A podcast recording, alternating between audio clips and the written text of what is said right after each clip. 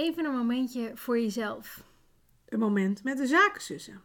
Wat dacht je ervan? Kopje thee erbij en uh, gaan met die banaan? Wat voor vragen krijgen we deze week? Ik ben benieuwd. Ik ook. Wij zijn zakenzussen. Ik ben Martina van Echt Presenteren. En ik ben Annemieke van Yuna Sky. En samen werken we aan jouw succes. En nu is het tijd om te relaxen. Yes, ondertussen staat ons uh, kopje met uh, warm water al uh, klaar om ja, een smaakje te krijgen. iedere week behandelen we een van de twee vragen. Het is een beetje random welke vraag we eerst gaan doen. En nou, ik ben benieuwd. Ik ook. Let's go. Dan ben ik aan de beurt of ben jij aan de beurt? Of we zeggen van nou... Ik zou zeggen, jij bent al begonnen met het zakje. Vertel maar. Wat, staat, er, wat staat erop? Even kijken. Oh jee, jee, jee, jee. Wat is het beste advies dat je ooit hebt gekregen? Gekregen? Ja, gekregen. Jij niet zozeer gegeven, maar die mag je ook delen.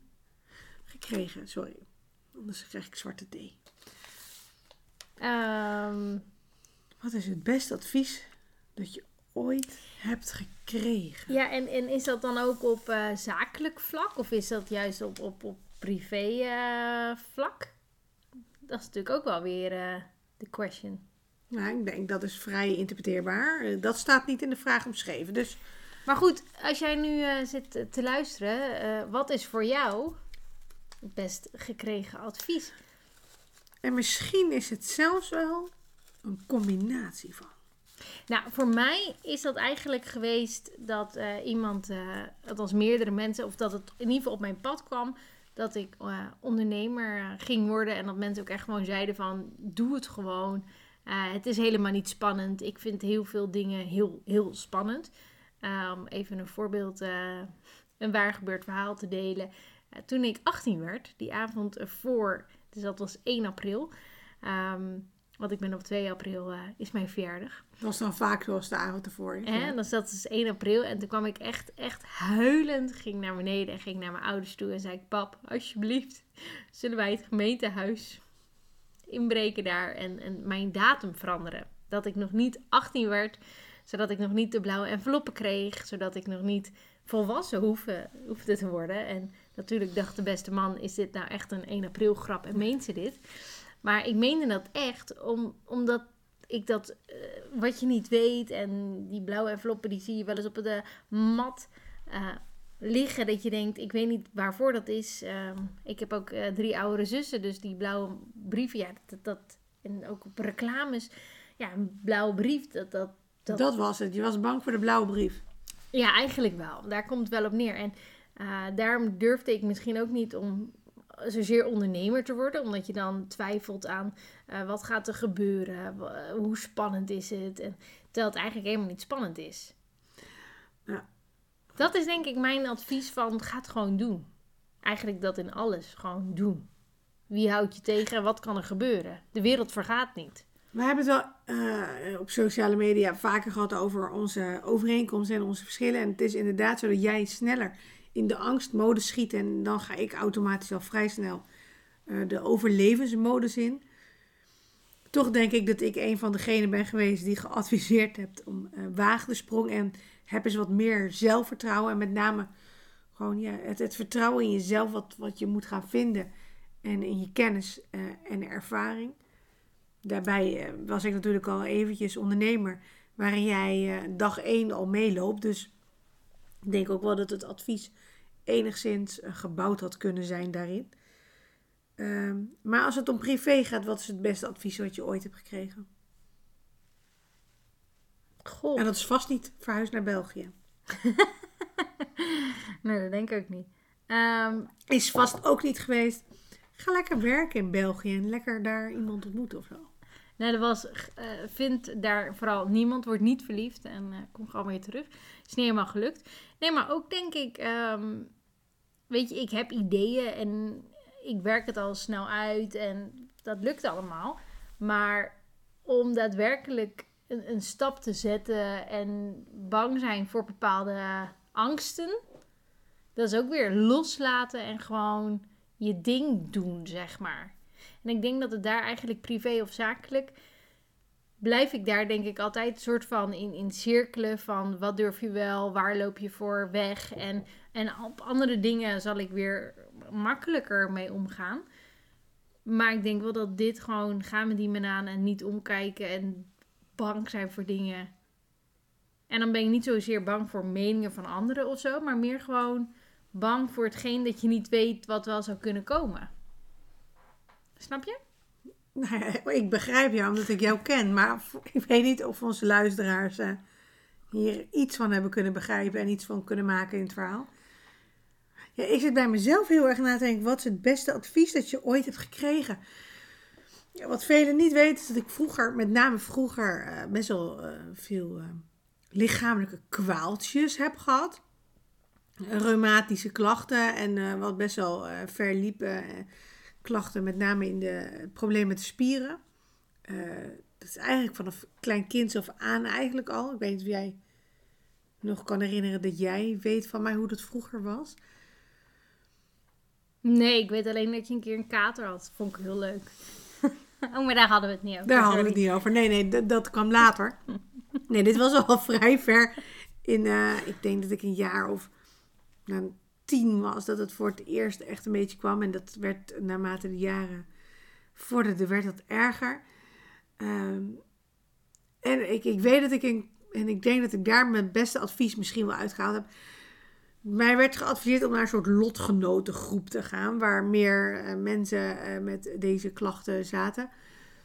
En uh, daar zaten allemaal mensen die een stuk ouder waren dan dat ik ben. Want de klachten die ik had, die hoorden eigenlijk helemaal niet bij mijn leeftijd. Dat had de reumatoloog ook eigenlijk nog niet eerder zo gezien. En die mensen die waren bedlegerig, zaten in rolstoelen. En dat is zo heftig geweest voor mij. Ja, toen was ik wel wat ouder. Ik denk dat ik toen een jaar of 18 zou zijn geweest. Dat ik dacht, maar dat gaat mij niet gebeuren. En eh, ik heb toen met iemand gesproken en die zei: uh, geloof in jezelf en wandel daar in je eigen pad. Doe wat jij denkt dat goed is. En vertrouw daarop. Vertrouw op wat je lijf aangeeft en luister ernaar. En dan heb jij kans dat. dat is eigenlijk een beetje mijn motto daarin geworden. Eigenlijk is dat leidraad in mijn, mijn leven, denk ik, geweest. Luister naar jezelf, je eigen gevoel. En uh, neem niet zomaar overal genoegen mee uh, wat, wat er op je bord gegeven wordt. Dus ik denk dat daarin misschien wel iemand heel ondoordacht of iemand die mij helemaal niet meer zal herinneren, daarin misschien wel het beste advies ooit heeft gegeven. Kies voor jezelf en, en ga zelf op onderzoek uit voordat je dingen klakkeloos overneemt. De wonderen zijn de wereld niet uit, dat zei hij ook. Ja. ja dus misschien een heel uh, persoonlijk verhaaltje even tussendoor, maar uh, ook, ja, wij zijn natuurlijk zussen, dus dat moet ook gewoon gedeeld worden. Ja, en, en wat ik bij jou altijd, ik weet dat jij lichamelijk uh, het een en ander. Uh, ik wou zeggen mankeert, maar dat klinkt ook zo. Uh, nee, jij bent nou, gewoon... lichamelijk gebied, is dat ook zo? Ja, en uh, dat jij, jij bent daarin zo positief hard voor jezelf. Als in, goed, ik heb pijn, maar betekent dit dat ik niet vandaag van de bank afkom? Hè, je hebt bijvoorbeeld nu twee hele leuke kindjes die, die jou als mama hè, uh, alles willen doen. En dan zie ik je vandaag springen en dan denk ik, oh, dapper. En dan denk ik, wauw, weet je, dat je gewoon, je laat jouw pijn niet de overhand nemen van jouw leven. Nee, jij bent de baas en de pijn moet zich daar maar. Ja, soms gaat de pijn natuurlijk wel winnen, maar snap je wat ik bedoel? Van jij bepaalt hoe en wat. En de pijn. Hè, bijvoorbeeld, uh, je was uh, zwanger van een tweede. Je hebt daar een, uh, hoe oud was Elise toen? twee jaar. en ja, jij zei het ook tegen, tegen mij van dat Elise niet een onderdeel mag worden omdat jij zwanger bent van een tweede. Dan mag zij geen um, last daarvan hebben. En dan denk ik, wauw, ja, diep respect. Nou, wat wel ook precies in dat gesprek naar voren kwam, uh, dat was, uh, laat jij je, de ziekte je leven bepalen of bepaal jij hoe de ziekte zich gaat ontwikkelen? En dat is wel een soort filosofie geweest wat ik heb geprobeerd om door te zetten. En dat is inderdaad niet altijd makkelijk. Ehm, eh, het is ook een beetje eh, zoektocht voor iedereen, denk ik. En dit werkt voor mij, dat hoeft zeker niet voor anderen te werken. Eh, acceptatie, daar zit een groot deel in. Ik accepteer dat als ik vandaag aan het rollenbollen ben met de kinderen, dat ik daar op een later moment last van heb. Ik weet ook dat ik s'avonds uh, eerder gewoon rust moet pakken. Ik werk niet fulltime bewust, omdat ik A, moeder ben en daar bewust voor gekozen heb. En daar tijd aan wil besteden. Ik wil mijn kinderen echt zien opgroeien. Uh, en dat, ik ben ook in een gelukkige omstandigheid dat het kan. Dus dat is ook wat de andere kant. En uh, ja, ik denk hoofdzakelijk dat er, dat er veel zit in de manier van denken, leven en acceptatie. Ja. En uh, het meeste eruit halen. Toen tegen mij gezegd werd, ja, rond je dertigste zal je wel in een rolstoel belanden, dacht ik, nou, ik niet. En tot op heden, tot op heden gaat het heel goed. En lijkt het er zelfs op dat ik er een beetje overheen gegroeid ben. Natuurlijk heb ik hele slechte dagen, maar het is zeker niet meer zoals dat het vroeger was. Dus uh, misschien ben ik wel die ene procent die. Uh... Maar uh, daar ging het over. Het beste advies dus is: ga voor jezelf. Denk om jezelf. Dat is ook wel echt een advies in deze geweest. En nou ja, ik denk dat dat voor mij het beste advies is geweest. Wat ik eigenlijk bedenk van um, onze twee ja, adviezen of, of momenten in ons leven. Hè? Jou lichamelijk en ik heb angsten gehad. En die zijn ook wel, nou, steeds ieder jaar dat je andere angsten. En uiteindelijk hebben wij ons daar overheen gezet. En wat je net ook zei van, hè, ehm, heeft jouw lichaam, gaat die het bepalen? Gaat mijn angsten de regie overnemen van mijn leven? Of kies jij zelf voor geluk, uh, succes? Of laat jij het bepalen door een ander factor? En in dit geval angsten, lichaam. Ik weet niet hoe dat voor jou zelf is. Hè? Als je nu zit te luisteren van...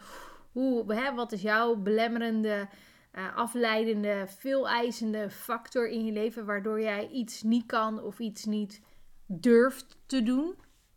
Hè, want dat is natuurlijk ook wel een beetje lef hebben van... ik ga voor een andere weg. En ik ga niet doen wat wel voor mij bepaald wordt. Nou, en dan hebben we ook nog, kijk, bij mij ging dit dan hoofdzakelijk wel echt een beetje de persoonlijke richting op. Dus mijn privésfeer, wat natuurlijk sowieso meeloopt in het zakelijke. Um, in, in wat uh, kan. En daarin kwam eigenlijk al vrij snel naar voren van, joh, uh, jij bent iemand met een verhaal, maak er gebruik van en inspireer daar anderen mee. Uh, en zo begon eigenlijk ook een beetje mijn zakelijke kant wel. Het tikkie ook een beetje het eigenwijze wat ik misschien een klein deel in me heb. Misschien? Het kleine, Klein? kleine deel wat ik in me heb. Uh, en, en op zakelijk gebied zit ik te denken wat daar het beste advies is wat ik ooit heb gekregen. En uh, ik denk het, denk groot. Dus blijf, je hoeft niet klein te blijven. Nee, het hoeft niet. Maar blijf wel bij jezelf en bij je passie en wat je belangrijk vindt. Maar je hoeft, niet, je hoeft het ook niet allemaal alleen te doen. Dat was uh, de laatste, uh, het laatste advies wat ik heb gekregen. Je hoeft het niet allemaal alleen te doen. Toepasbaar trouwens, privé en zakelijk.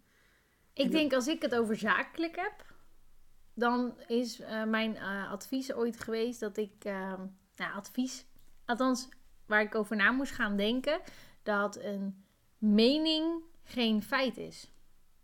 Nee. Daar moest ik ineens aan denken van vroeger, um, ik heb een musical uh, achtergrond en daarin uh, was zingen eigenlijk ook wel mijn hoofdvak. En of ik nou positief feedback had of negatief feedback, voor mij was het altijd ja, een soort van dit is het. Terwijl ook al werd mensen alleen maar positiever, dan dacht ik nog steeds van, hè, is dit het, hè, wat, wat vindt iedereen? Terwijl eigenlijk gaat het er niet om wat een ander vindt, maar gaat het erom wat jij vindt. En nogmaals, een mening is dan niet gelijk ook een feit. Want eh, mening is uiteindelijk maar een mening van één iemand. ja, ben, je, eh, ben jij een eh, Pepsi-drinker of ben je een Coca-Cola-drinker? Coca-Cola. Kom je gewoon eerlijk voor uit. 100%. Oké, maakt niet uit, dat kan gebeuren. Maar dat was de vraag. Maar 100% Coca-Cola. Eh, wel zero, moet ik eerlijk toegeven. Ehm, maar als het gaat om het beste advies, drink dus Coca-Cola zero. Denk ik wel dat ehm, je ook gewoon moet kijken naar ehm, passie, ambitie, het gevoel. Ehm, en eigenlijk alles wat daarin aansluit en jou eh, daarin zelfvertrouwen geeft, daar zou eigenlijk al eh, het beste advies in kunnen zitten. Zakelijk gezien moet ik wel zeggen, ik ben regelmatig word ik gevraagd om advies te geven. Ehm, dus het beste advies wat je gegeven hebt, daar vraag ik me dan ook wel af. Dat zou ik eens moeten vragen aan de mensen die ik geadviseerd heb, wat mijn beste tip was. Heb ik jou, jou vast ook wel eens geadviseerd? Wat is mijn beste advies naar jou ooit geweest? Goh, Oh, ik weet het wel. Dat kan niet missen. Stop met school en ga voor jezelf. Ja, maar toen zat ik. Ik eh, heb een jaar lang eh, theaterdocentenopleiding gedaan. En toen eh, was ik mezelf dus door mening, feit en door tegen andere dingen even verloren. Als in, wie, wie ben ik nou en wat wil ik nou?